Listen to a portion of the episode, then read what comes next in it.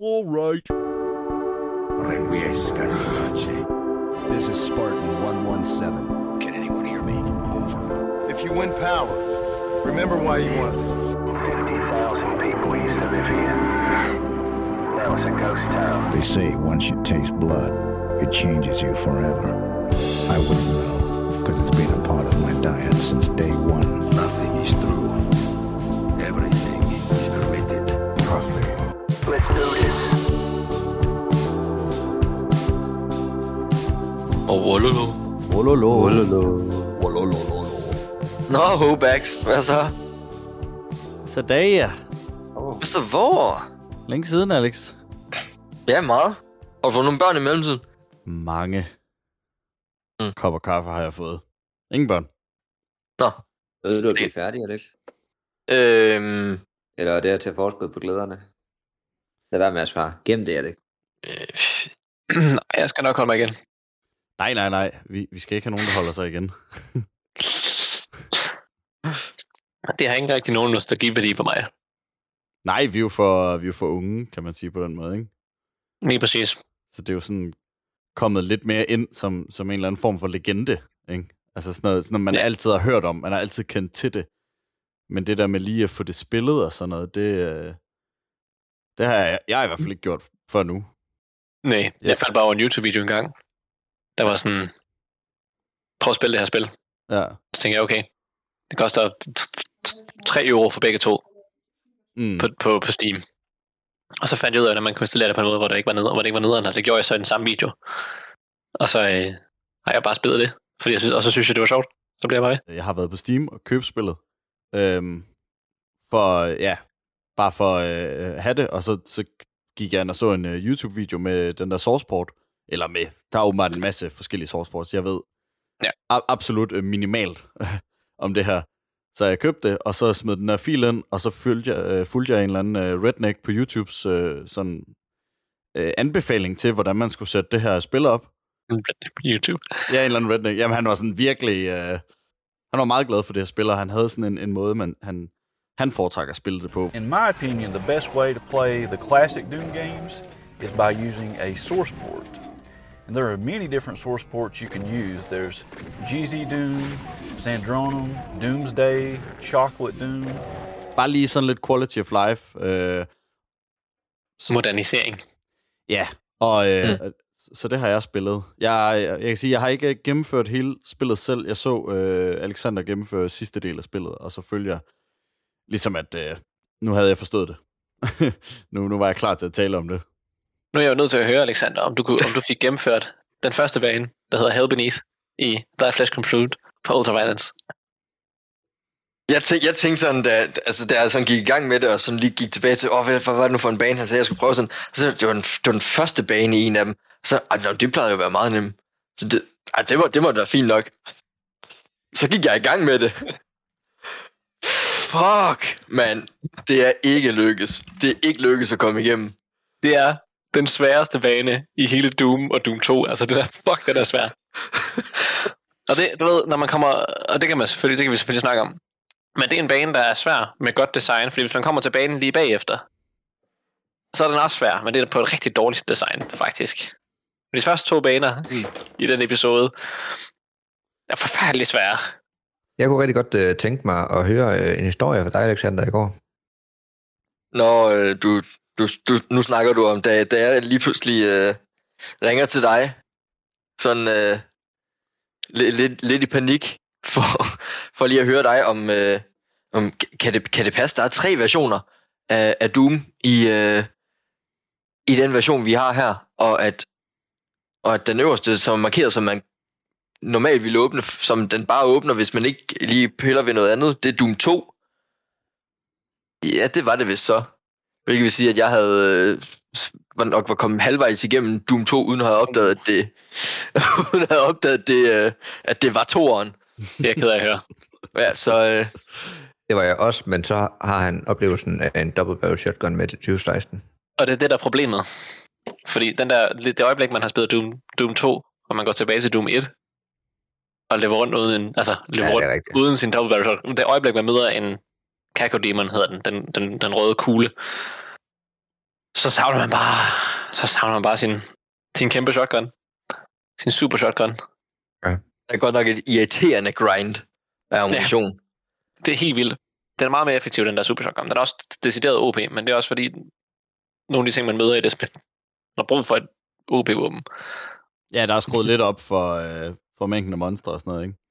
Jep, så sværhedsgraden af monsterne og sådan noget. Så det, Jeg gjorde det samme som Alex, men jeg, jeg brugte så bare ikke lige to timer, inden jeg opdagede, at det var det forkerte spil. Tre timer. Tre. Men ja, det er rigtigt. Jeg har givet, jeg har givet en version, hvor at, øh, jeg har bare givet jer min version, hvor man har Doom 1 og Doom 2, og så Plutonia Experiment. Så hvis man nogensinde har lyst til at virkelig udfordre sig selv, så kan man prøve at spille Plutonia Experiment. Jeg synes, den går lidt igen, den der med, jeg har bare ikke brugt lige så lang tid som Alec. Om det er en eller anden fejl, eller om det bare er, at jeg gennemfører spillet, eller hvad det er. Det ved jeg ikke. Det synes jeg bare, det går igen. Det synes jeg er meget hyggeligt. Hvad, sidder Ja, du udskammer mig lige nu? Ja, lidt gjorde jeg. Men Okay. jeg, har, jeg har også spillet Frostpunk, og det, der under du jo lidt. Jeg har et, øh, jeg har et screenshot her af mig, der sk- skriver til en anden af mine kammerater. Faktisk nogenlunde det her tidspunkt sidste år. Han kan også godt lide at spille gamle videospil. Det er, en af hans, det er også en, en hobby, han har. Så jeg skriver til ham, det er mig, der er den øverste. Sådan, sådan kan det godt være, at man kan føles og spille, Mm-hmm. spille den, fordi det er sat, den er svær. det er en udfordring i sig selv. Hvis du forestiller dig, Alexander, Hell Beneath, på Ultraviolence, bare sværere, så det er sådan cirka der, vi er. Okay. Noted. Jamen, der er nogen, der bare... Ja, altså, det er jo masochistisk at, at spille de her spil igennem på. Og der blev unlocket et ekstra niveau, når man havde gennemført det, ikke? Hvad var det, det hed? Øh, nej, det har altid været der. Har det det? Ja, men på, øh, på andre, så har de sådan lidt det tema. Men jeg tror, men okay, nu bliver jeg selvfølgelig i tvivl. Bare der, der dukkede et niveau ekstra op i bunden. Mm. Da, da, da du skulle til at gå ind i den sidste expansion der, Alex. Ja, Det har de Nightmare. Ja. Det har de for Dead Space. Nightmare, Nightmare er ikke noget værd at spille, fordi det er bare ultraviolence, mens at monster de genoplever. Og det er ikke det værd. Ja. Det er super stenet, faktisk. Jamen, det lyder også meget usjovt, faktisk. Så. Ja, ja, det er det også. Der skal man kende banen i hvert fald for at komme igennem. Det er for dumt. Men har I nyt spillet? Har, synes, I, synes I, det holder i dag, eller hvad? Det finder vi ud af, når vi har lavet den her samtale. Så det er svært at svare på. Der er så mange faktorer. Altså, Har I nyt det, eller har det været torturspil? altså, Altså, jeg, jeg har nyt det, eller jeg, jo, jeg har nyt det, øh, og blevet meget positivt overrasket over det. Fordi, altså, jeg var sådan...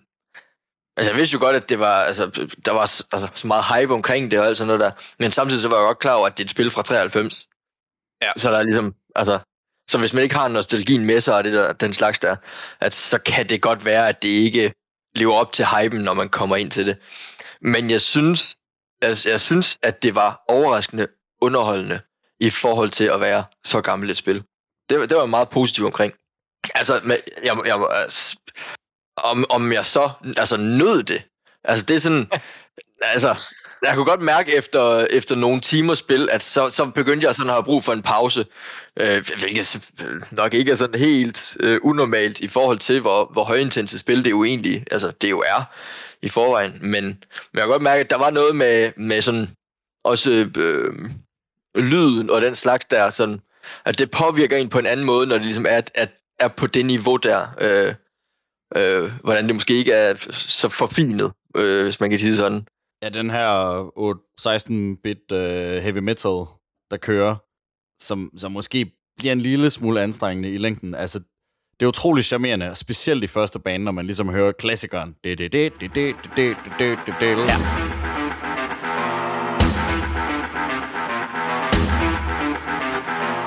Altså, mm. det, det er jo bare sådan, det skal lyde, ikke? Altså, det er jo nok et af de de, de mest kendte soundtracks fra et spil nogensinde, de mest ikoniske. Mm. Men, øh, Ja, det er men, men jeg synes ikke, det er alle sangene, der er lige stærke. Altså, Nej, Sådan. nej, nej, nej, det, er, det er mest bare den første, ikke. faktisk. Den første, og så en anden sang, der også er rigtig god, men ellers er det bare sådan... Men det er også bare fordi, den en anden sang, det er bare en... Altså, det er en gen... Altså, det, næsten alle sangene...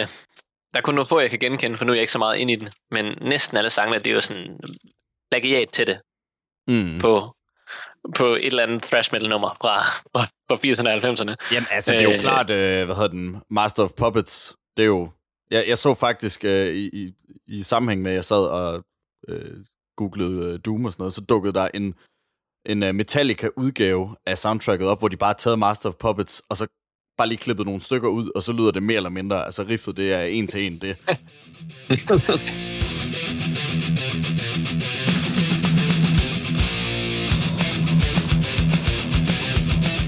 Men det er, det er også det bedste thrash-nummer, der nogensinde er lavet, så, så det, det er klart, og det er, altså, de kunne bare sætte hele Master of Puppets albummet ind over spillet, og det vil fungere fuldstændig perfekt, ikke? Altså, det er virkelig fedt. Helt utroligt øh, godt hold af spillet i, i forhold til det fra 93, specielt med en sourceport. Øh, og Alex, Ja, Alex han spillede det uden øh, den her, jeg, jeg ved ikke, hvad det hedder, men, men hvor man ligesom sørger for, at man kan kigge op og ned også, i stedet for kun fra side til side. Og jeg, jeg fik sådan helt øh, ondt i nakken af at spille det. Først fordi jeg sådan hele tiden, jeg, jeg følte, jeg var begrænset. Øh, og jeg havde spillet måske en times tid, og jeg, jeg, jeg orkede simpelthen ikke mere, og så lukkede jeg det ned, og så gik der en uge, og jeg kunne se, at vi kom tættere på, at vi skulle optage, og sådan, nu, nu bliver jeg nødt til at gøre et eller andet ved det. Og YouTubede det, og gik ind, og så fandt jeg ham der, der så fortalte alt, hvad man skulle gøre, og downloadede en, en sourceport og sådan noget. Og det gjorde Jamen- oplevelsen spilbar. Jeg vil sige, uden det, der var jeg ikke kommet så langt, som jeg kom. Nej, altså, når man sæt, når man, det er altid spændende at sætte sig ned og så se noget på et historisk perspektiv, men det er sgu også okay. Det er sgu også okay ligesom at sige, åh ja, men vi er altså også kommet videre, og det må man tage med sig. Vi har teknologien til at gøre sådan, at man kan kigge op og ned, for det første. Mm. Det, det, det skal man så bare ud- udnytte af. Jeg synes personligt, det er meget charmerende, og at man ikke kan kigge op og ned, og så bruge Dooms sådan indbygget auto-aim, fordi det også giver nogle, nogle konflikter. Øh, og det Mm. giver en lidt anden måde at skulle håndtere nogle forskellige, forskellige fights på, Mm. som jeg godt kan lide. Men, men det er ren og skær 100% en altså, præferencesag. Ja. Der findes sådan nogle purister ude, der er sådan, at du skal spille det på den gammeldags måde, hvor jeg bare har lyst til at slå dem i ansigtet, hvis jeg hører nogen sige det. det har jeg så ikke gjort, men jeg kan, ikke- jeg, kan, jeg kan ikke se, hvorfor der er nogen grund til, at man ikke skal. Man gør, som du har gjort. Mm. Nej, altså jeg har også kun gjort det. Mm. Mm. Altså jeg, kunne, jeg har jo så ikke prøvet spillet som det gamle. Nej. Jeg, jeg, jeg tog den, altså på den gamle måde, altså for at prøve det. Altså, øh, og, jeg, og jeg synes ikke, der gik ikke, jeg gik, der gik virkelig ikke lang tid, før jeg havde vendet mig til det. Altså sådan overordnet, hvor det, hvor det ikke længere irriterede mig, og hvor, det, hvor jeg ikke længere prøvede at få den op og ned. Sådan. Det vender jeg mig ret hurtigt til. Men der er selvfølgelig det, vi snakker om, der er de der konflikter der, når man er i kampe. Øh, det, Ja, der var blandt andet det, vi sad og, og spillede en, en band sammen, hvor jeg sagde, skyd tønderne. Øh, det er utroligt tilfredsstillende, når man kan få en, en stor AOE på de her tønder, der springer i luften, og så slår mange fjender ihjel. Øh, det brugte jeg hele tiden. Og så er det sådan, jamen, jeg kan ikke ramme dem, fordi det her auto det gør, at jeg, jeg targeter monstrene i stedet for. Og så, Ja. ja, ja okay. Ja, men, det- men virkelig sjovt, altså virkelig sjovt og anderledes. Øh, det giver, det giver sådan en helt ny, øh, jamen det giver sådan en helt ny øh, måde at tænke på, fordi igen, det, det er jo ligesom at sætte benspænd på sig selv. Det bliver sådan en dogme. Sætter benspænd på sig selv og prøver at spille, uden at kunne kigge op og ned, som man er blevet så vant til. Det synes jeg bare var nice. Det synes jeg bare er charmerende. Jeg synes, det er mega sjovt at gøre det på den måde, for så får man lige en ny håndtering. Man er nødt til ligesom at tænke lidt mere, man er ikke lidt ud af boksen i forhold til, hvad man er vant til, selvom at det faktisk overhovedet ikke er at tænke ud af boksen.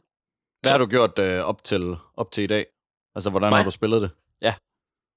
Jeg har spillet det øh, med, at jeg kan kigge op og ned. Det har jeg, jeg har aldrig nogensinde kigget op og ned, men jeg har gjort sådan, at jeg kan spille med musen. Sådan at når jeg bevæger musen til siden, så kigger jeg til siden, som om at jeg kunne styre musen op og ned også, men den er bare sådan låst til, at jeg kun har den der ene plan at kigge på. Ja. Og så er der outtrained. er et mareridt at skulle gøre det med, med, med tasterne. Altså at kigge fra Ja. side til side, så kan man jo ikke komme over, hvad hedder den, den første, I'm too young to die. Altså, Jeg tror, jeg, men det kan man jo godt, det er bare fordi, det er vi Kan ikke vant til. Nu er vi sådan nogle, vi er Ja. sådan fucking, jeg ved ikke engang, hvilken generation vi er i, men vi er generationen i af, at vi er vokset op med Counter-Strike. Quake Ja. var blevet lavet, da vi begyndte at spille computerspil, så det var sådan, ja. den er kørende. ja, det skal jo lige siges, hvis ikke øh, man ved det, at vi er nok øh, alle sammen, vi er jo født lige omkring udgivelsen af det her spil, og, og nogle af os lidt efter. Så, så det er nærmest bare sådan en mytisk spil på en eller anden måde, ikke? jo. det, det, det er Det svært er det jo ikke ikke længere. Jeg har brugt de sidste tre år på mit liv, at gå tilbage og genspille det en gang imellem. Jeg vil ikke kalde mig selv en pro, men det gør jeg. Se, min manddomsprøve, den kom ved, at jeg så rent faktisk gennemførte den her udvidelse, der hed The Plutonia Experiment på Ultraviolence. Den gennemførte jeg rent legit. Og det var sådan, ja, det, så det var sådan højdepunktet af min spilkarriere. Det var, at jeg, at jeg, at jeg, at jeg klarede den. Det er også øh, imponerende. Altså, du må have lagt mange timer for at kunne gøre det. Det tror jeg også, jeg har. Ja. For guds skyld kan man ikke få lov til at se det, men jeg har da i hvert fald, jeg har i hvert fald lagt 100 timer i det. Ja. Altså, Men du har, du har generelt også mange flere spiltimer af sådan nogen som Doom og Quake og den genre. Hvad hedder den? Den hedder bare Boomer Shooters, Ja. tror jeg. Gør den ikke det? Sådan Boomer Shooters. Det kalder jeg den i hvert fald. Altså fandme, det er et godt navn. Jamen, det er også underholdende. Altså, vi spillede også Quake for ikke så lang tid siden, det, fordi man kunne spille det samme. Det synes jeg også, det var meget underholdende. Det var pisse sjovt, men det var fucking dumt, fordi det fungerede så dårligt, da vi spillede sammen. Men det er ikke det, vi snakker om. Så rent sådan gameplay-mæssigt, nu jeg ved vi jo godt, at man ikke kan kigge op og ned, men der hvor det bliver spændende, det er, hvordan selve spillet fungerer, for jeg synes faktisk, at specielt i Doom 2, men allerede i Doom 1 er det utrolig velbalanceret. Altså, med i forhold til, hvor svært det er at gennemføre de forskellige baner. Altså, du ved, det ligner noget, og lyder som noget, baseret på, hvordan det er udviklet, som de bare har kastet en lille smule sammen. Men det hele det fungerer bare så, altså, det bliver sådan et, et, et højintenst spil af, jamen, hvilken rækkefølge skal man takle enhver situation i. Og det bliver ret sjovt i, at man ligesom åbner et rum, der ligesom fungerer som en, en lille arena. Hvert, hvert rum, hvert lokale er nærmest en lille arena. Om den så arena, det er så bare en gang, eller om det er et, et åbent rum med forskellige sådan, højder. Så skal man lynhurtigt analysere området, og så finde ud af, hvordan takler jeg det bedst. Og så gå i gang med det. Og det skal du gøre hurtigt, fordi ellers så bliver du skudt af en, en million gutter med en shotgun, og du er færdig. Det synes jeg er ret nice. Det kan jeg ret godt lide, sådan det der, men jeg ved ikke, hvad jeg skal kalde det. Det med at loopet, lidt ligesom i, da vi spillede Ghost Runner. Nu bliver det, det bliver en, en sindssyg sammenligning, men ligesom vi spillede Ghost Runner, der skal man på hurtige reflekser regne ud, hvordan man skal takle en situation bedst. Jamen, jeg synes sagtens, man, altså Ghost Runner er vel en, en eller anden form for modernisering af, af samme stil, ikke? Altså, det er jo præcis den samme nerve, den, den trækker på, ikke? Ja, yeah. det synes jeg bare var, det synes jeg bare er sjovt. Det kan godt lide den, den spilstil. Jeg vil sige, at Ghost Runner er væsentligt, øh, hvad skal man sige, det, det er mere straffende i Ghost Runner, end det er i Doom. Altså, Men de har begge to sådan lidt den der arkadespilsfølelse, og det synes jeg er ret nice. Det var det. Finder Johans. Jeg havde at sige. Jeg kan godt se, at vi ikke falder over hinanden i ting at sige om spil her lige nu. Og jeg sidder og venter på, at du siger noget. Du, Ja, du du ligner har en, der været meget står. stille indtil videre, Hans. Jeg Ja, tænker, du må flyde over med... det lide jeg snak. Jeg har jo også spillet det øh, et par gange øh, efter Victors anbefaling, fordi at jeg skulle til at spille 2016, der sagde han, gå lige tilbage og spille det gamle. Og så gjorde jeg det, og så synes jeg, at det var åndssvagt så underholdende det, og, og godt det egentlig holdt op i det. Og så var jeg så ked af, at øh, jeg kunne snakke til dig, Alec og Emil omkring spillet, med den tanke om, at de ville aldrig nogensinde komme til at spille det. Og så, så skal I spille det. Så har jeg spillet det nu, så det var fantastisk. Ja, men det er jo, det er jo en, af, ja, en af grundene til, at vi også laver det her. Det er jo så, vi lidt kommer, kommer igennem de der klassikere, man skal, man skal igennem også, ikke? Og det er jo... Det er, jo- det er, Ja, og så også, at man udfordrer sin comfort zone. Det synes jeg også er Altså, mega øh, vigtigt. jeg synes i hvert fald, det gør en generelt til en bedre computerspiller, at man også prøver at spille lidt, øh, ja, noget som ud for ens comfort zone, som Victor siger det. Men øh, tilbage til spillet. Jeg, jeg har set en helvedes masse videoer og interviews og alt muligt omkring det her, frem for at spille det igennem en tredje gang. Nå. Øh, det synes jeg, det var mega spændende og underholdende. Ikke at jeg ikke også har spillet det, men jeg har ikke øh, spillet det fra start til slut. Øh, og jeg synes, det var underholdende, at øh, skaberne bag, de startede, dengang de skulle til at finde på spillet. Der var en af dem, der tog den idé om, at der skulle være en øh, fed historie i spillet, og bare sagde, fuck den, ud med den. Det hele handler om gameplay. ja, hvad, hvad, der er en og af jeg dem... tror, der er jeg en tror af dem, egentlig også, at det er lidt... Jeg, undskyld, jeg vil bare viderebygge med at sige, at jeg tror faktisk også, det det, der gør spillet det underligt nok også holder i dag. For jeg tror ikke, du kunne skrive en historie, der kunne måle sig med nogen andre. Det, det kunne du måske godt. Men jeg tror ikke på det samme måde, du kunne give en historie i et computerspil dengang, som kunne holde lige så godt, som historiedrevne spil, de kan i dag. Men spillet, det fungerer på sin fart og på sin uh, first person shooter. Men er det ikke John Romero, der også er kendt for at sige, at øh, historien i et computerspil, det er lidt ligesom i historien i en pornofilm. Du forventer den af dig, men, men altså, det er også det. Så, så, og, og, og det, er jo, Mm. det er jo cirka det, man også får ud af, af historien i det spil her. altså, Ja, med det argument. hvis man kender historien, øh, øh, så kan man godt fornemme, hvad der foregår. Og jeg vidste en lille smule, øh, men, men jeg ved faktisk ikke, hvor omfangsrigt den er. Det, det gik jeg ud fra, at I to øh, havde en ret god idé om. Men altså, man er jo på Mars, og så er der en portal, og så kommer man til helvede, og så sparker man røv. er det ikke cirka det? det er fuldstændig det, der sker. Der er ikke så meget der. Det er præcis det, der sker. Jeg tror, jeg tror umiddelbart egentlig sådan historiemæssigt, at det er rimelig øh, blankt læret, hvilket, hvilket muligvis også er noget af det, der har gjort det har, at det har været meget attraktivt at, at tage og filmatisere, fordi de har haft, de har ligesom haft en platform, som var klar, men hvor, altså, hvor de havde fuldstændig frie tøjler til at kunne gøre med det, hvad de ville. Så kan man så sige, hvad man vil om, om den, hvornår filmen, er det 98 eller sådan, der kom Nej, det er, sgu, det er sgu senere end det, du. er det senere? Den er, Ja, den det er er rimelig ny, 2003. den film. Ja, den er rimelig... Jeg skulle til at sige, den er 2005 ny. og 2019. Og den, 19, det er rigtigt, der kom en i 19 også. Ja, hvad undskyld, er der Den er med film? 2005 med Dwayne The Rock Johnson. Ja, ja lige præcis. Det er Ja, det- dårligt. Det er den, jeg har set. Okay. Det, det er den, jeg har set. Jeg har ikke set den fra 2019. Nej, den har jeg heller ikke fået set. Jeg, jeg sad og så den anden for ikke så lang tid siden. Men, men det er jo helt genialt, altså, fordi du har virkelig, altså, når, når man endelig skal snakke filmatisering af, af et computerspil, så så du, du har ikke nogen sådan karakter, du virkelig skal leve op til, eller nogen øh, historiemæssige ting, du virkelig, altså, som bare skal hænge sammen, fordi så fansene efter dig. Fuck dig, du skal lave en banger en actionfilm med noget smadret metal. det er det, du skal. Altså, jeg vil, jeg, vil, jeg vil sygt gerne se filmen på samme måde som de sidste 10 minutter med den fra 2003, hvor det, du ser det i first person. Og jeg tror, grunden til, at jeg godt tror, det kunne fungere, det er på grund af den der film, øh, som jeg sygt godt kan lide, som jeg ikke kan lide. Toren, den hedder Golden Circle, hvad fuck er den hedder? Det er, Den godt, du, det er godt den film, du virkelig godt kan lide. Kan du huske navnet på den? Uh, ej, hvor er det irriterende. Johannes, kæmpe pas. Jamen, Jeg ved ikke, hvad det er. King- Kingsman. Jeg, jeg, jeg, er Kingsman. Noget Kingsman.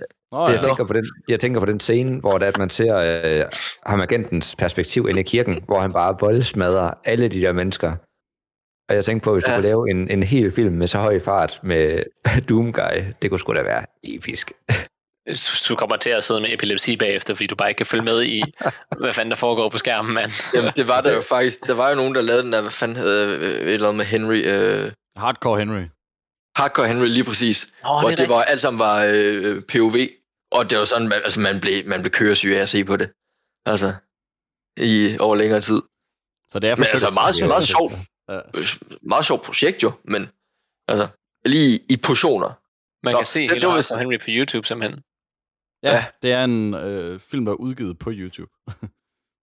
Men Victor, vil du, vil du fortælle lidt om den historie, der, der fungerer? Eller For historie du. fungerer? Ja, hvad, der- hvad der Ja, foregår? fortæl os lige Du historien er, i Doom. en, du er en soldat, øh, der er ansat af The USC, som jeg ikke lige kan huske, hvad står for. Og øh, du er jo så på Mars. Og øh, så lige pludselig så har Mars, de har arbejdet, eller det, det er på sådan en, hvad skal man sige, rumstation. Mars station. Øh, Science Place, hvad fanden hedder det på dansk? Øh, Forskningscenter. Ja, sådan et forskningscenter. Lad os kalde det forskningscenter, det er et godt ord for det. Hvor at, øh, de arbejder med sådan teleportering i hemmelighed. Og øh, de finder så ud af, at man kan teleportere sig til helvede. Og det betyder jo så også, at man kan teleportere sig den anden vej. Og så øh, bliver det noget lort, fordi så begynder helvede ligesom at bryde løs på Mars. Og man finder ud af, at den her lille måne på Mars, der hedder Phobos, den bliver så teleporteret ind, ind i helvede sammen med dig, og så nakker du dem alle sammen for ligesom at prøve at se, om du kan komme ud af helvede. Og øh, efter du har slået alting ihjel i helvede, nærmest, så finder du så sådan et, med sådan et kæmpe stort hjerne på ben, som du så slår ihjel. Altså, fordi jeg, jeg føler ikke rigtigt, der er noget historie. Det er bare, du er hardcore hardcore soldatgud. Du tager til Mars, og du kan komme til helvede derfra på grund af teleporteringseksperimenter. Du nakker alting på Mars, og tager ned i helvede, og nakker alting i helvede, og slår så The Spider Mastermind, hedder den, ihjel, for så at komme ud af helvede igen, og så lander du på jorden, og så er der en teaser til, at i toren er du på jorden. Ja, det er en meget sjov øh, mm. slutning, hvor der står, at, øh, at, øh, at man kommer tilbage til jorden, og heldigvis var der ikke nogen monster, der fulgte efter en. Og så klipper det til et billede af en, en grøn mark og en øh, kanin, der sidder øh, idyllisk. Og så drejer kameraet, og så ser man sådan en kaninhoved, der er spidet, og, øh, ja. og bare helvedes foregår på jord, ikke? Øh, og så, ja. så, så er det slut. det synes jeg, det, det var mit Introduction favorittidspunkt. til Doom 2, Head on Earth. Men øh, det ved jeg ikke, jeg synes, jeg synes bare, den historie den er meget fed. Ikke nok med, at han skal nakke alle dæmoner op på Mars, og så bare tænke, fair nok, nu er de væk. Nu er de nede i helvede. Ej, jeg så også de nede i helvede og smadrer dem alle sammen. Altså, de, skal, Ja. ja. de har simpelthen ikke fået nok. Altså, jeg synes, det er så fedt. det, der gør det så fedt, det er så, er der så fucking badass. i en af de sidste beskeder i en af udvidelserne, der øh, står der også, at øh, når du dør, så skal du huske at sige til dine børnebørn, at, du, at de skal give dig en, en bazooka, og lægge den ned i kisten sammen med dig, så når du noget selv noget til helvede, så har du ligesom noget at forsvare dig med. Øh, Super 90 er skrevet, altså, men det står i en afsluttende besked i, i en udvidelse, og det er pisse sjovt. Øh, Det her spil, det handler ikke om historien. Det handler om at slå mange, mange, mange monstre ihjel. Det her spil, det er mm. så godt, at det har bygget en historie op omkring sig. Ja. Deep. Altså, tænker du på en... Ej, jeg tænker bare, jeg tænker bare omkring spillet.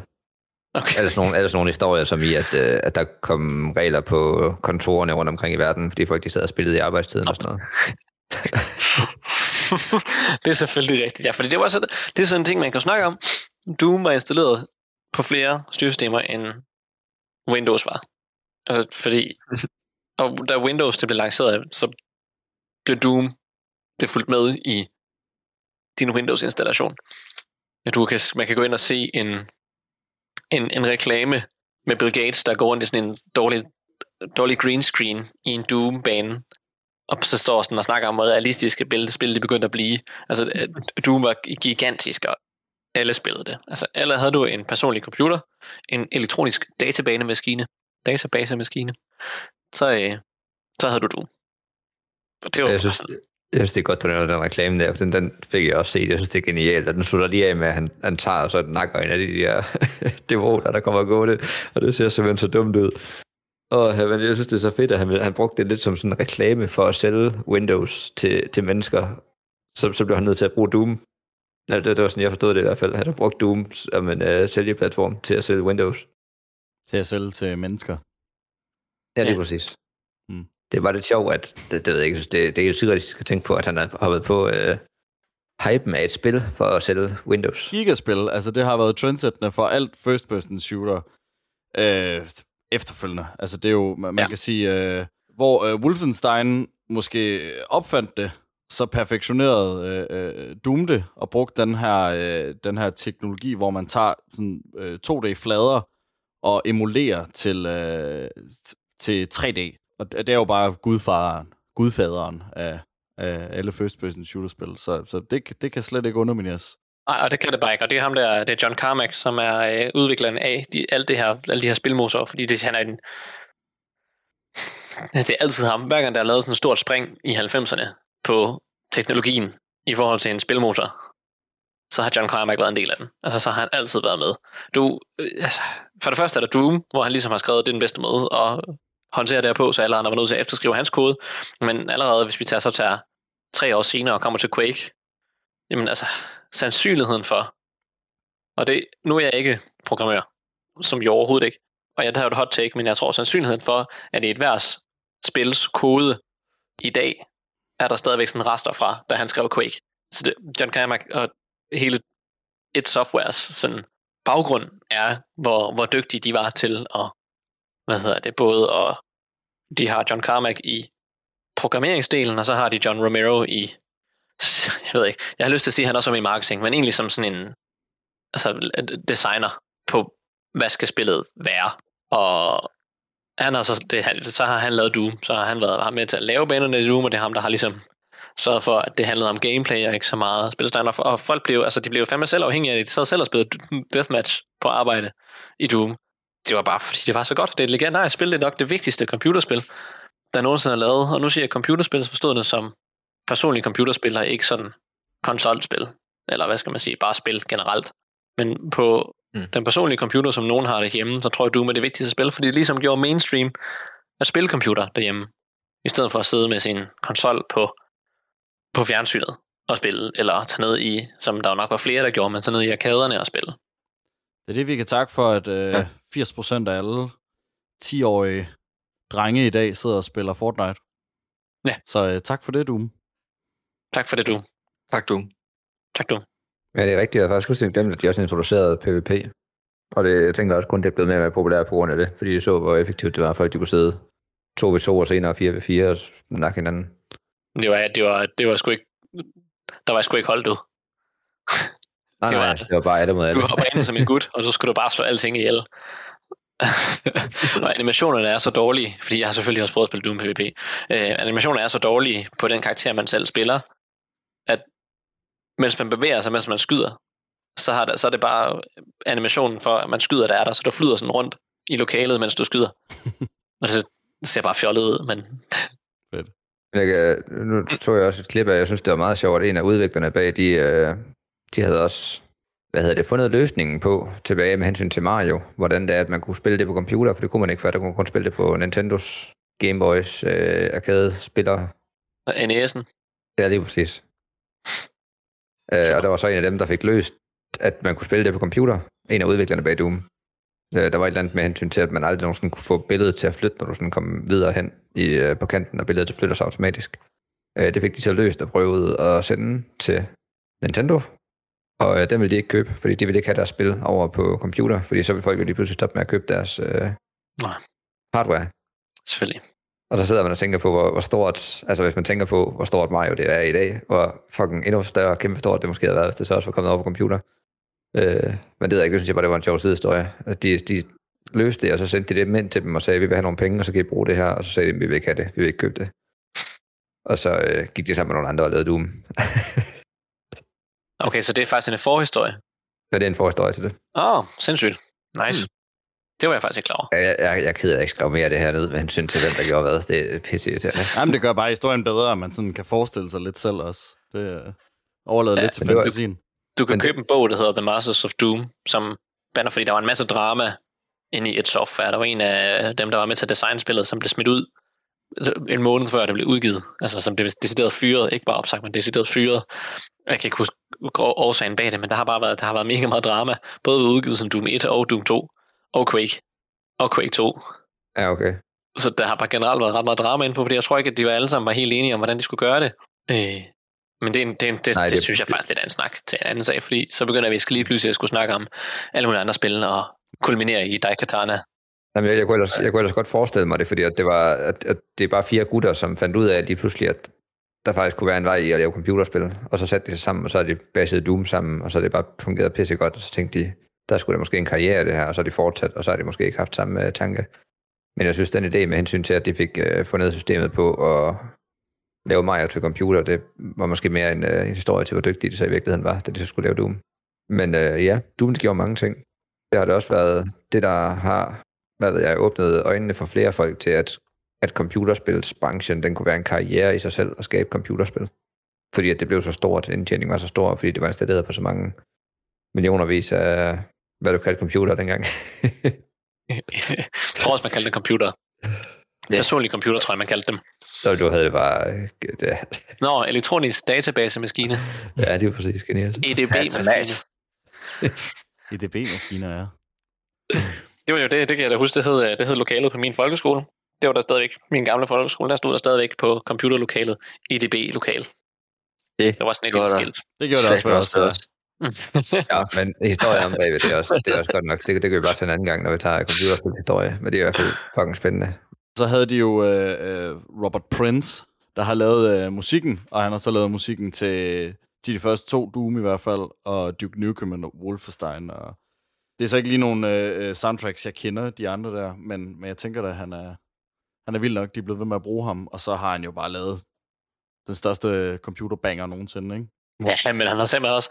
Altså, han er jo han er også decideret kopieret sange fra jamen, alle de der threads, og så har han haft Pantera og øh, Metallica, som du selv siger, og jeg sagde Slayer og sådan noget, og så er der helt sikkert også flere af, af forskellige sange, som de har taget riffet fra, og så kørt det ind på en MIDI-maskine, og så kørt det afsted, og så ikke fået noget copyright fra det. Altså ikke fået noget copyright claim, men det, jeg tror bare, det var nemmere dengang, I guess. Det ved jeg ikke. Men det er bare i hvert fald meget tydeligt, at der er nogle af sangene, der, øh, der er dem. Ja. Der var nogle sange, hvor de fleste sange var sådan til forladelige, men så var der også, der var en, kan du huske den bane, Alex? Hvor Ja, ja, ja. i slutningen af sangen, så er der bare en tone, der bare hyler sådan, og så kører den bare i 5 sekunder eller sådan noget, og man, altså, bare stopper op og venter på den der stopper, fordi man får sådan helt stress af det. Det så det er ikke, det er ikke perfekt, men det har da en Nej. charme. Man kan også i den der, øh, i den der sourceport, så kan man gå ind og vælge øh, alle mulige forskellige udgaver, musikken skal lyde på, og man kan sikkert også gå ind og så putte en, en, en rigtig metaludgave. Det er der 100% også nogen, der har lavet indover, ikke? Så ja, der han er, hedder Andrew Hulschult. Andrew Hulschult. Hulschult. Hol, hol, hol, hol, hol. Jeg sender den bare, tror jeg. Han har skrevet hele det originale Doom-album, soundtrack, som real metal-sang. Okay, øh, fedt. Ja, det, har han gjort for længe siden. Det har, og det har givet ham rigtig meget, fordi han har, så den der ham her, Andrew Hochschultz, han har arbejdet på mega mange soundtracks i mellemtiden. Han har arbejdet rigtig meget for det, der hedder New Blood, og nu er Andrew Hochschultz, han har været med til at skrive soundtracket til det nyeste Dooms udvidelsespakker. Mm. Som vist nok hedder The Ancient Gods, der har han været med til at skrive. Så man kan sige, det er ligesom startet med, han bare lige skrev metalversioner af de her klassiske Doom-sange. Og så er der jo også Doom 2016, mm. som jo også er, altså, al musikken derfra er jo også bare blevet legendarisk, sådan instantly. Ja, pisse godt. Det, altså, jeg har ikke spillet det, men jeg har hørt Det var også det. enormt første gang, jeg så introen til Doom 2016, der sad jeg virkelig også fra med gåsehud. Mm. Men endnu mere, fordi jeg også har spillet de gamle spil, når du så hører den udgave af dem. Det var, det ved jeg ikke, det var fucking fedt. Altså, jeg tænker egentlig også, at vi hopper over alle de andre Doom, og så direkte til 2016. Det, det er jeg klar for at spille. Jamen, det, det håber jeg virkelig også, fordi jeg sidder også bare helt og kriller i fingrene. Det, det er sådan set, det, jeg sidder og venter på, at vi snakker det afsnit færdigt, så vi er i gang med det 2016, og snakker om det i morgen.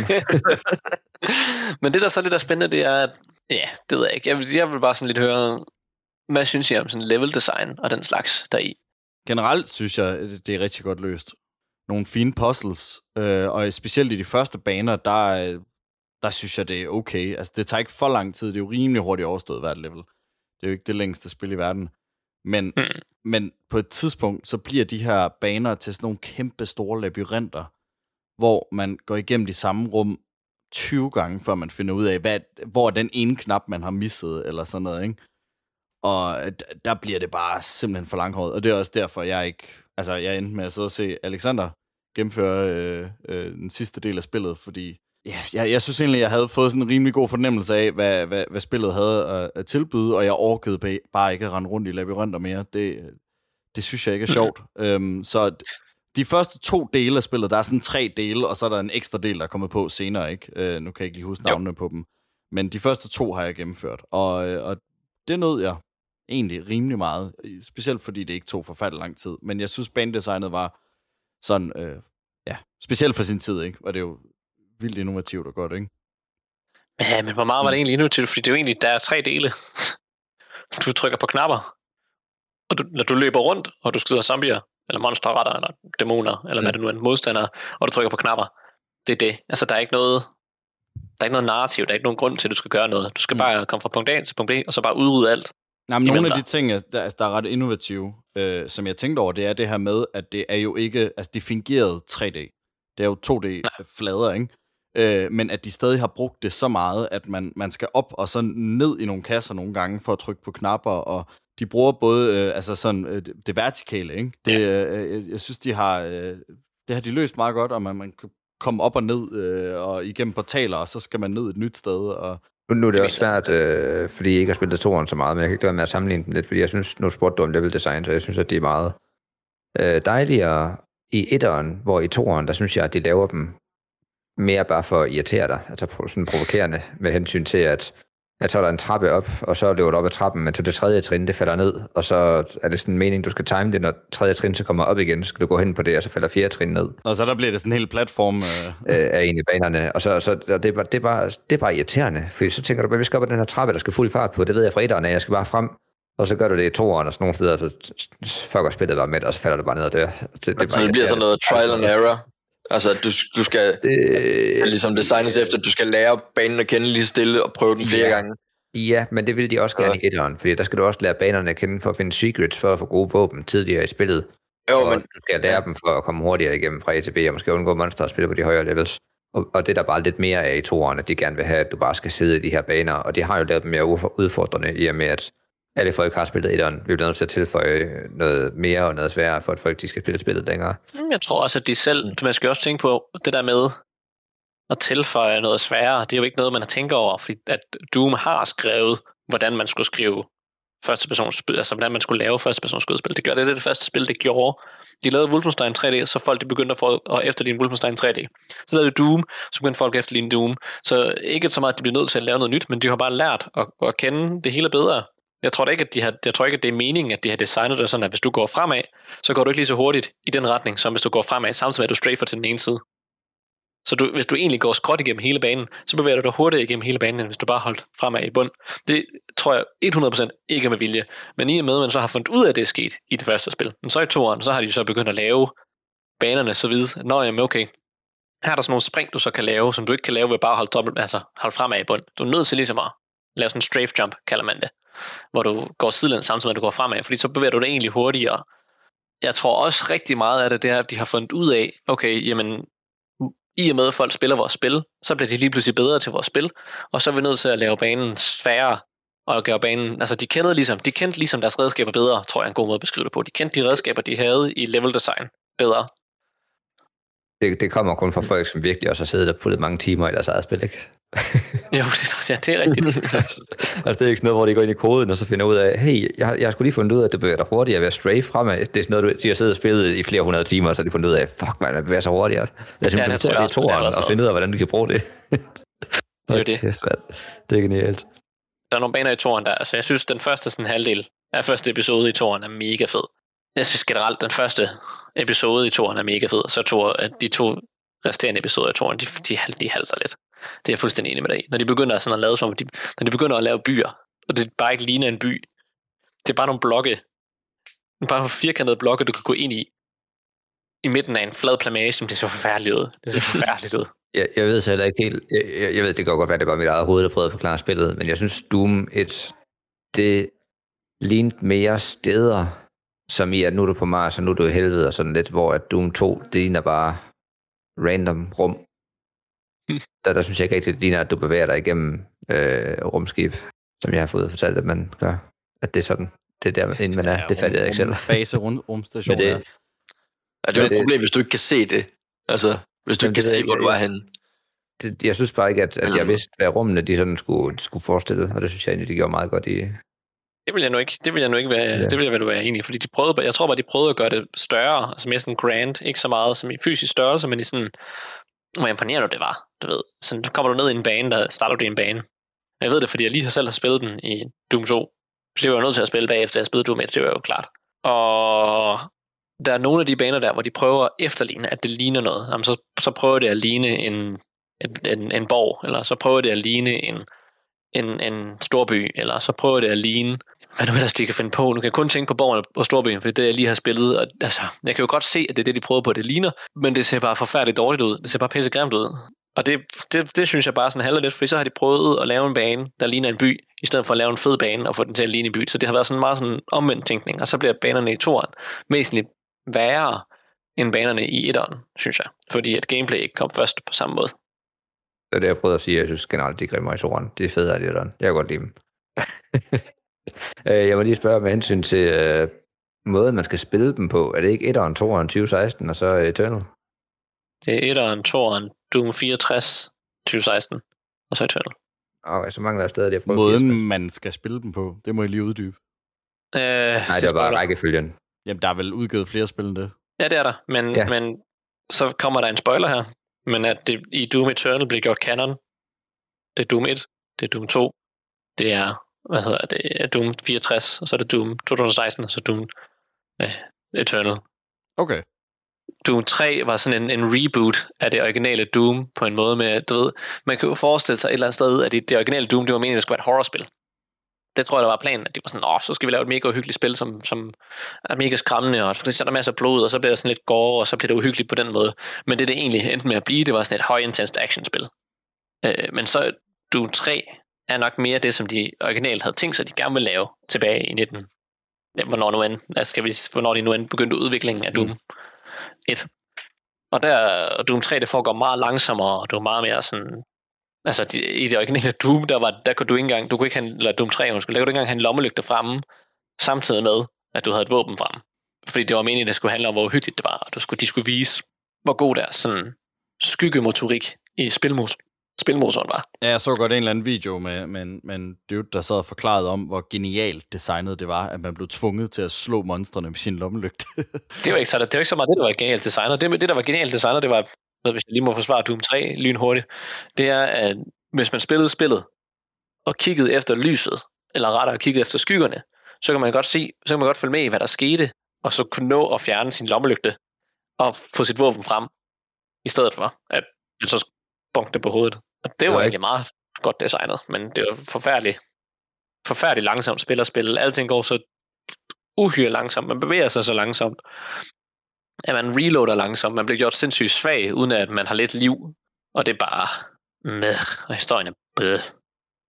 Der er Doom 2016 en bedre sådan, udgivelse. Det skulle jo være et mesterværk efter sine. Jeg har, jeg har ikke hørt nogen, der ikke kan lide det spil. Det kommer sikkert til at være dig selv. Nej, Victor. Så kender dig ret. det tror jeg ikke.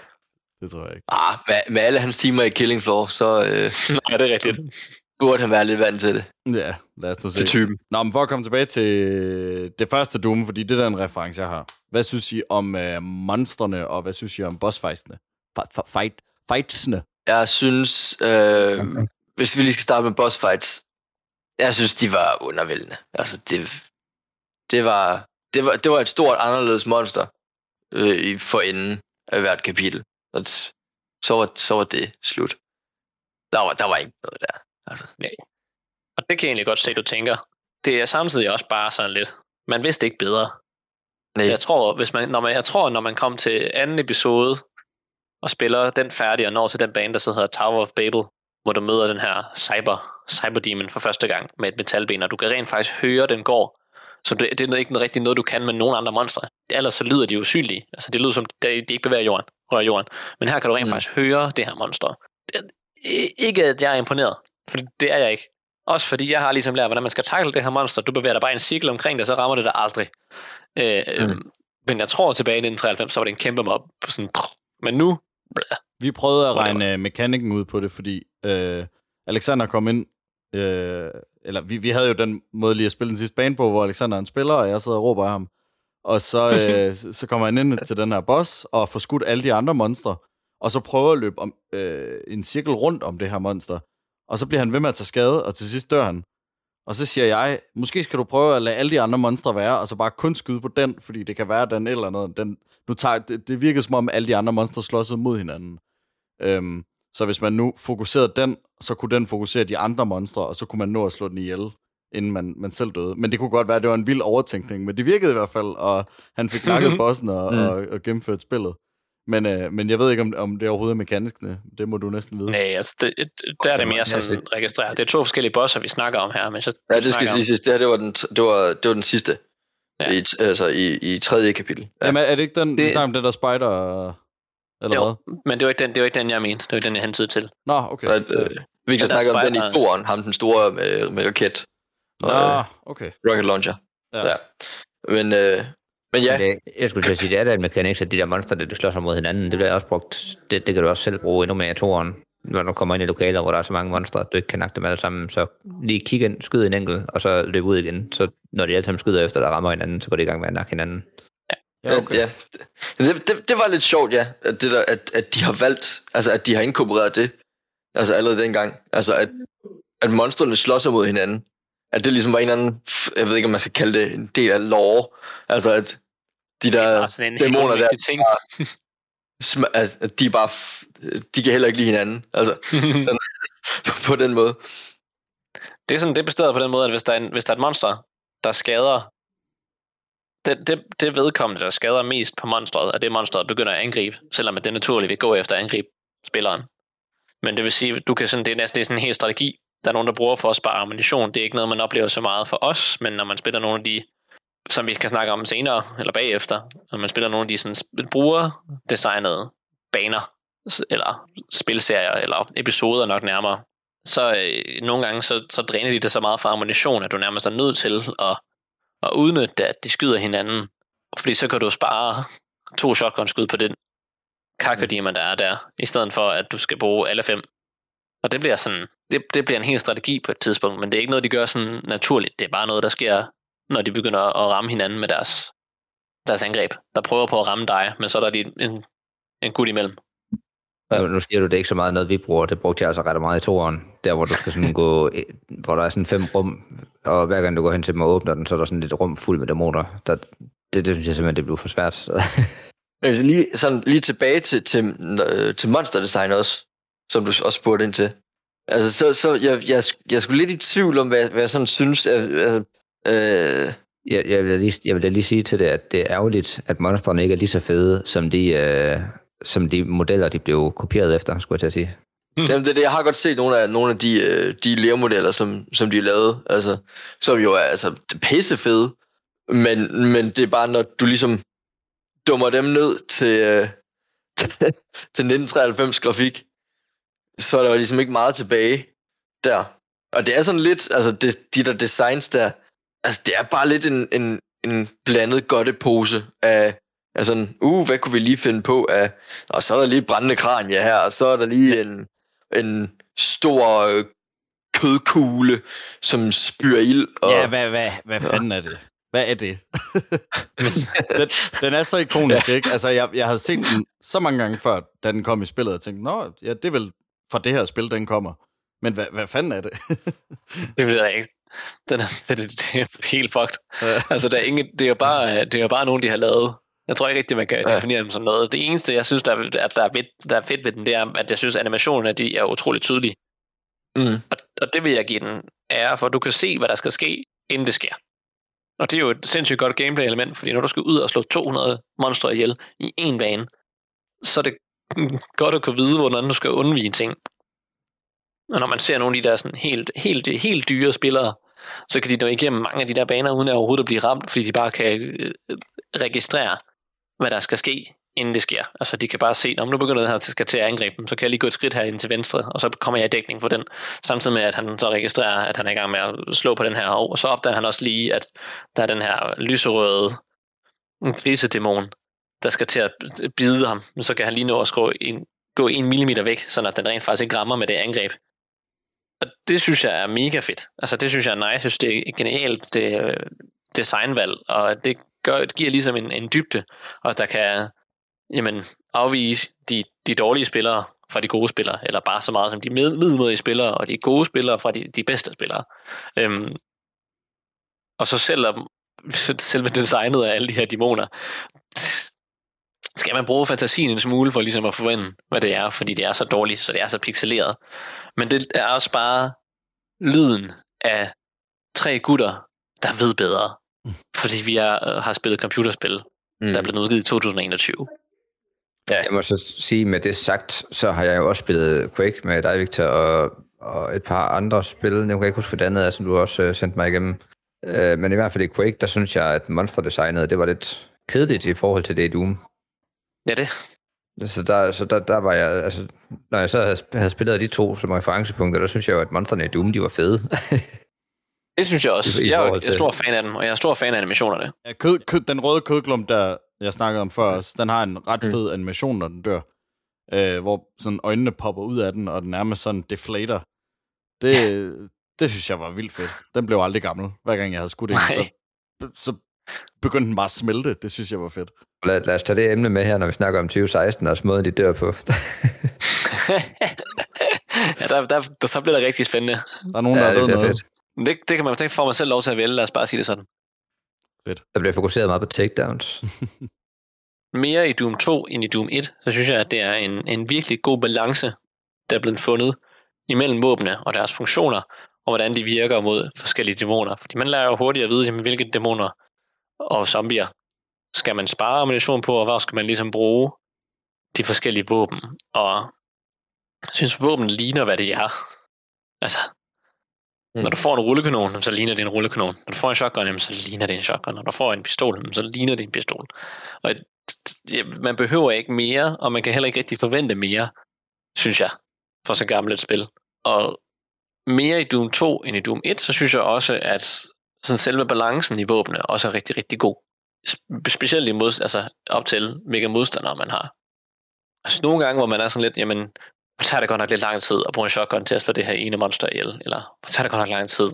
Hvor det godt nok irriterende, at de her brændende, brændende øh, hvad hedder det, hoveder kommer flyvende rundt, og at jeg skal bruge to, to shotgun-skud til at slå dem ihjel. Hvor det godt nok irriterende. Men man lærer hurtigt, men så bruger man en, altså, så bruger man en maskine, eller hvad hedder den, en rullekanon i stedet for, fordi det gør sådan, at de ikke kan angribe dig. Og det, jeg synes bare, at balancen er, er virkelig god imellem våben og monstre, og jeg synes, våbnene ligner, hvad de er. Og det synes jeg bare, jeg synes, det fungerer rigtig, rigtig godt. Jeg faktisk. synes, våbnene var øh, højdepunktet i det her spil. Jeg synes, øh, ja. øh, de var vildt sjove. øh, og forskellige alle sammen, og jeg var meget imponeret over, hvor, hvor forskellige våben der alligevel er. Altså, hver gang jeg tror, jeg har set alle våbne, så dukker der lige et eller andet nyt op, øh, øh, sådan ret langt hen i spillet, ikke? Og øh, som, som, som er, det, altså det bliver vildere og vildere og skader mere og mere, og så skal man lige pludselig vende sig til, okay, så kan man ikke finde ammu- ammunition til det længere, og så må man nøjes med, det, med den der shotgun. Det var den, jeg brugte det meste af tiden. Eller det er Mm. nok den, man bruger det meste af tiden. Men, øh, men ja, jeg synes, våbendesignet og, og hele den del af spillet var, var noget af det, der fungerede allerbedst. Ja, jeg synes også, det er monsterfedt. Jeg synes, den minigun, der det var nok den, jeg brugte mindst, fordi jeg synes, den skadede så... Den, den var undervældende. Den skadede ikke en skid, synes jeg. Ej, men, Men, når øh, man kommer ind til et rum, hvor der er 200 zombier, eller 20 zombier, Ja, det- så er den bare ja, væsentligt det er mere effektiv end en shotgun. Ja, men det er der, det, altså, der, du har synes jeg bare, at det er så det, jeg vil tage en rocket launcher og så to skud. Jamen, det kan du jo ikke, når, du er, når de står lige ved siden af dig. Så springer du også dig selv i luften. Der vil jeg også gemme på. skuddene, til når der så kom et andet. Altså, der ved, man begyndte hele tiden at sådan finde ud af, jamen, hvornår skal jeg, hvornår, man var hele tiden nødt til at vurdere, jamen, hvor mange skud har jeg, og hvornår kommer der lige om lidt et gigantisk monster, som jeg er nødt til at bruge en rocket launcher til, eller jeg er nødt til at bruge en plasma rifle til, eller hvornår kommer der sådan, at jeg skal slå fire af det her, den her røde tyr øh, ihjel. Jamen, så må man bruge... Der, mange røde tyr, der brugte jeg altid den plasma rifle der. Den høvlede dem bare ned. Og den, den skyder så pisse hurtigt, og de bevæger sig meget langsomt og er et kæmpe stort target. Ja, Der men hvis du har fire af dem ved siden af hinanden, så kan du også bare bruge den. Noget, noget du har fået den Emil, den hedder BFG 9000. Måske. Det er også En, sådan en hvid, det største våben, du får. Ja, jeg tror, jeg tror det var, det var mens, øh, mens Emil han så på ved mig. Ja, det tror jeg også. Øh, ja, og, og, og jeg, jeg, jeg, jeg kan huske, jeg fik den, og jeg tænkte bare, wow, fedt. Og jeg glemte fuldstændig at bruge den resten af spillet. jeg glemte, jeg havde den. Og det slog mig lige nu, da vi snakkede om våbnene. Ja. Fuck, jeg fik ikke prøvet den i action. Altså, det, er det er da crazy. rigtigt, nu du siger det. Jeg tænkte, Det, den gør, det er, at den skyder en sådan, en sådan nuke ud, som skader rigtig meget til den, den rammer, og så når den rammer, så smider den, altså så alle andre i lokalet tager også skade ud over den, og det er, det er udelukkende defineret fra, hvor deres position er i forhold til, hvor skuden rammer. Så hvis der, hvor skuddet rammer, har en direkte altså synsvinkel hen til der, hvor den monster er, så rammer den det monster. Og der er ikke noget med sådan en størrelse, eller et splash damage, ligesom på rocket launcheren, og det synes jeg bare, var- den er bare fucking fed. Den er bare Den bruger fucking fed. plasma ammo, gør den ikke det? Jeg troede også bare, det var sådan en større plasma-våben, fordi jeg mener, den bruger samme ammo som den Men det gør den også, men den er, den er specielt kodet sådan. Ja, den er, den er, den var monsterfed. Den skader så meget, at hvis du står og kun kan se, og eksplosionen kun kan se den der spider-dæmon, så, dræber, så dør spider på to skud. Den sidste bossen, som er reelt sidste bossen på den svære sværhedsgrad. Den har mulighed for at skade 42, eller 4.280 point i skade. det lyder meget. Vi kan lige sammenligne det med shotgun. Den originale shotgun Hmm. fra Doom. men han virkede også til, til ikke at have særlig meget liv. Altså den sidste boss der. Altså Ja. jeg synes, det var ufattelig lidt ammunition, jeg brugte på den. Jeg vil sige, at anden boss er væsentligt mere bosset end bosset. End bosset. Ja. Den var bare virkelig Ja, du kan maksimalt med shotgun, der kan du maksimalt skade 105. Ja, så lige pludselig har skade 4.280. Det er ret meget, hvis du lige kan stille Ja. ja. med. Men, men, det skade, det bliver så bredt ud, fordi at du skader så 800 til den første, du rammer, og så har den sådan nogle 40, så er det 40 andre steder, den kan ramme, som skader 87 hver. Shit. Noget af den stil. Det er i hvert fald det, øh, matematikken viser mig på netten, fordi nu har jeg læse på, hvor meget den rent faktisk skader. Jamen, det var da godt, vi ikke fik den brugt, var.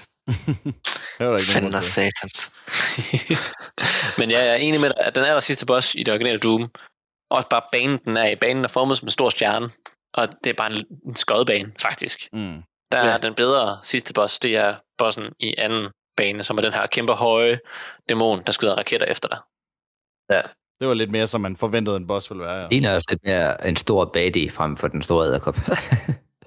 Ja. Den ligner lakajen. Lakajen. Der kan en. Ja, Lakajen. som bare, en, bare som en lakaj til hovedbossen. Nå, Ikke nødvendigvis. Øh, Nå, Lakajen. den lakaj.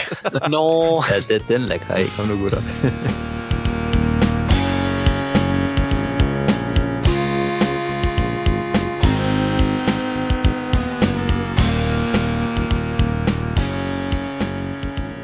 Men skal vi så måske lige gå igennem vores karakter, hvor vi ligesom giver en karakter i tre kategorier fra 1 til 10, og så lægger vi dem sammen til en samlet karakter hver især for vores egen person, og så lægger vi dem alle sammen sammen til ligesom at sige, her har vi vores samlede bedømmelse af Kan vi, spillet. gøre, kan vi gøre en ting, før vi gør det?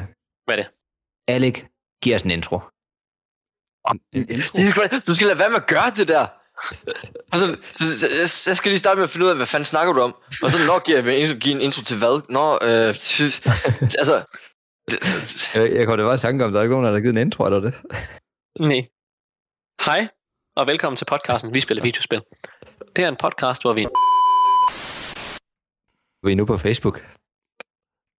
Kan jeg få det stille, Johannes, din kæmpe idiot. For helvede, dreng. Det er ikke ikke vi kører i dag, var. Holy shit. Nej, er. Jeg troede, vi var ved at have lidt på ryggraden, men uh, jeg kan godt se. jeg tror, jeg tror, den der med at gøre det kl. 21, hvor vi alle sammen er sådan lidt, øh, den er måske ikke lige... Søndag aften, sidst på måneden. Ja, lad os, uh, lad os give nogle karakter. Hvem har lyst til at starte? Ja, hvem har lyst til at starte? Alex. Jamen, Jeg har ikke rigtig lyst til at starte, men jeg har lyst til lige at kommentere på, hvor, hvor at, at, jeg, at jeg virkelig ikke øh, har noget begreb om, hvordan jeg skal rangere den her. Nej. Nej, Fordi den er, ligesom, den er uden for kategori for det mig. har jeg nemlig også. Hvordan skal man vurdere Ja, ja, grafikken? jamen, Altså, Den, den er simpelthen hævet over. ja. Jamen, det, det, Det er der, ikke, nødvendigvis der det, jeg siger, men også lidt. Altså på en eller anden måde. Jeg kan, jeg kan, jeg kan gå ned til, at det er et utroligt sjovt spil at spille allerede i dag, eller stadigvæk i dag rettere, hvilket er imponerende for et spil, fordi jeg har prøvet at spille gamle, nok godt nok kun skydespil, og det er så langt fra dem alle, der, der holder op, der stadigvæk er sjovere at spille, og så spiller man dem kun lidt, fordi man føler, enten man skal, eller det er sjovt at se, jamen, hvor vi egentlig udvikler os fra. Men Doom er stadigvæk sjovt. Doom har jeg stadigvæk underholdt fra start til slut, når jeg sætter mig ned og spiller det, og jeg ser mig selv sådan være dybt koncentreret i. Jeg er ikke, jeg er ikke, jeg er ikke lige så koncentreret i nogen andre spil, som jeg er i Doom, fordi der bliver altså ligesom hyperfokuseret på den her... Man bliver ikke overvældet af information, man skal forholde sig til. Du har bare dig selv, din våben, og så en masse monster, der skal slås ihjel. Og dæmoner og zombier, der skal slås ihjel. Og den funktion er mega, mega fed, og det er mega, mega sjovt at spille. Men samtidig så er det også bare exceptionelt simpelt. Fordi at vi har siden Doom udviklet os i snart 30 år. Altså, vi har udviklet os i 28 år siden Doom blev udgivet. Og teknologien er jo taget et gigantisk spring i forhold til, hvor Doom var, og hvor vi er nu i, hvordan man forventer, og hvordan man gerne vil have, og hvad man spiller spil. Og på den måde, så synes jeg, det er svært at sammenligne, og dermed give karakter, fordi jeg kan jo ikke rigtig sige, jamen jeg har lige givet det her spil en karakter på 10, fordi jeg synes, grafikken er fænomenal. Mm. Nej, men det, mm. det er også hævet over os på en eller anden måde, ikke? Altså, det, det virker ja. næsten arrogant at skulle sætte tal på grafikken. Altså, det giver ikke nogen mening. Det gør det nemlig ikke. Nej. Og det samme heller ikke med lyddesign, fordi det er, en, det er MIDI-track, og MIDI-track lyder skød. Og ja. de lydeffekter, der er blevet brugt, jamen, du kan, man kan jo gå ind, og så kan du... Jeg er rimelig sikker på, hvis du går ind i Age of Empires 1, og trykker på en kamel deri, så er det den samme lyd, som når der er en imp fra Doom 2, den der brune menneskehøjdes karakter, der dør. Så det er den samme lyd. Det er sjovt, det, det snakkede, det, da, imens uh, Emil han sad og så, så mig spille, snakkede vi om det der med lydene. F- fordi, at vi, vi havde begge to haft den der oplevelse af genkendelsen. Ja. At den der lyd der, at fuck, det kunne lige så godt have været i, altså, den, den der, det, det der væsen der i Warcraft 3, eller sådan et eller andet. Mm. Altså, og, og ja, altså fuldstændig Age of Empires 1, så, altså, jeg er jo vokset op med Age of Empires, og det er fuldstændig rigtigt. Altså, det, Det er det den kunne, samme lyd. jeg ved, Okay, jamen det giver rigtig meget mening. Så på den måde, så kan man heller ikke rigtig snakke. Altså man kan sige, en, en ting i lyddesigner, man skal holde øje med, det er, hvis man går ind og spiller Doom 2, og så tager man Super Shotgun op og skyder en gang, der har man sådan en på, hvor fed den lyd er. Lyden af Super Shotgun i Doom 2 er, altså den er, den er 15 ud af 10. Mm. Altså, Lige så, snart du samler, lyd. lige så snart du samler det der med Doom 2, så har du ikke lyst til at spille med andre våben i nogle af spillene. Altså det har Altså, når I siger super shotgun, så er det så double barrel. Ja, det er det. men, den, men, men hvorfor, hvorfor er det så ikke, de har, de har navngivet den Super Shotgun? Hvorfor har de så ikke navngivet den Double Barrel, hvis det er det, den er? Men det er, fordi den er mere end en Double Barrel. Den er super. super modtaget. Den skader, i stedet for at skade Double Shotgun, den skader dobbelt og en halv af, hvad den normale shotgun skyder. Det er bare sådan, hvor kæft den er. Og så lyden, og nej, men, Så hvor en der video, jeg så popper, en, gang et videoklip af to sådan tog, der kører mod hinanden i fuld farve, og alt lyden er, som det regner, og så lige når de rammer, så kommer alt andet lyden, og så er det bare lyden af Super Shotgun, der skyder. der kommer i stedet for, og det passer perfekt. Det bliver mere, altså det bliver voldsomt. Det gør det styrt voldsommere, at det er den lyd. Ja, Men helt ja, sikkert. Jeg kunne ikke have sagt sådan, det så bedre med hensyn sige- til beskrivelsen af Doom. Undskyld. Jeg kunne ikke have sagt det bedre med hensyn til beskrivelsen af Doom. Jeg synes bare, vi skal efterlade den der. Jeg vil sige, det er en kæmpe anbefaling. Jeg, jeg synes, at man skal spille det. Om ikke andet, så er det en anbefaling for ligesom at se, hvor vi kommer fra. Hvor, altså, det er ikke det første skydespil, og Wolfenstein 3D er heller ikke det første, første persons skydespil. Det er måske mere sådan det tredje. Men at se udviklingen, at vi er kommet fra det ja. første kommercielt succesrige skydespil, som fungerede fænomenalt, det var Doom. Men, men det er præcis som du siger, at hvis du gerne vil prøve noget gammelt, som stadigvæk er sjovt, så skal man prøve Doom. Fordi at jeg kan jo godt lide at starte fra spillets begyndelse, så da, da jeg skulle til at spille Wolfenstein, fordi jeg gerne vil spille det nye Wolfenstein, så startede jeg også med Wolfenstein 3D, efter at have spillet Doom. Og så prøvede jeg det i en par timer, og det var bare ikke særlig sjovt. Altså, det var ikke underholdende. det er langsomt, der er ikke særlig mange fjender, og de var alt for svære. Og så spiller man Doom, og det er bare, det spiller bare Doom er det første spil, hvor alting fungerer perfekt, og det eneste, der holder Doom tilbage nogle gange, det er level-designet. Og det var sådan, mm. det, det, er sådan, det, er sådan, det er min holdning, og det er min endelige karakter. Min endelige karakter er spil Doom ud af 10. Jamen, den kan jeg godt skrive under på. altså, det, det, det, det synes jeg også. Det sgu øh, overraskende, stadig underholdende. Noter spil Doom ud af 10.